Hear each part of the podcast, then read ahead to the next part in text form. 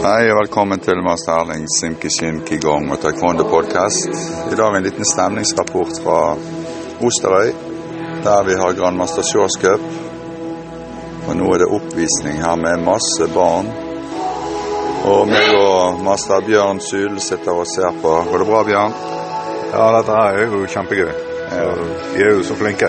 Ja, veldig.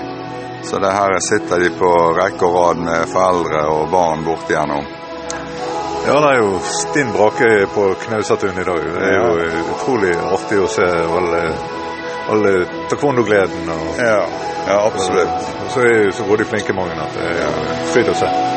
Og her er det litt sånn annen type, for her konkurrerer vi egentlig litt sånn på Der er det plass til alle. Det er både mønster, kamp eh, Hva skulle du si, og noe sånn her speedbreaking som vi har. Og masse forskjellige øvelser. Syns du det, det er en OK ting? Ja, det er jo et fantastisk flott tiltak. og Det er jo også for eh, en, en enkel billett inn til å begynne å konkurrere litt i taekwondo også. For her er det liksom høyt under taket, og alle, alle kan være med. Ja. Det, er noe, det er ikke noe stress, liksom. Nei. Nei, men nå sitter vi her i bakkant og ser på dette her, og det, de er virkelig kjempeflinke. Så ja, de legger ned mye energi for å få dette her til, de som er med ute på gulvet her. Ja, virk, virkelig.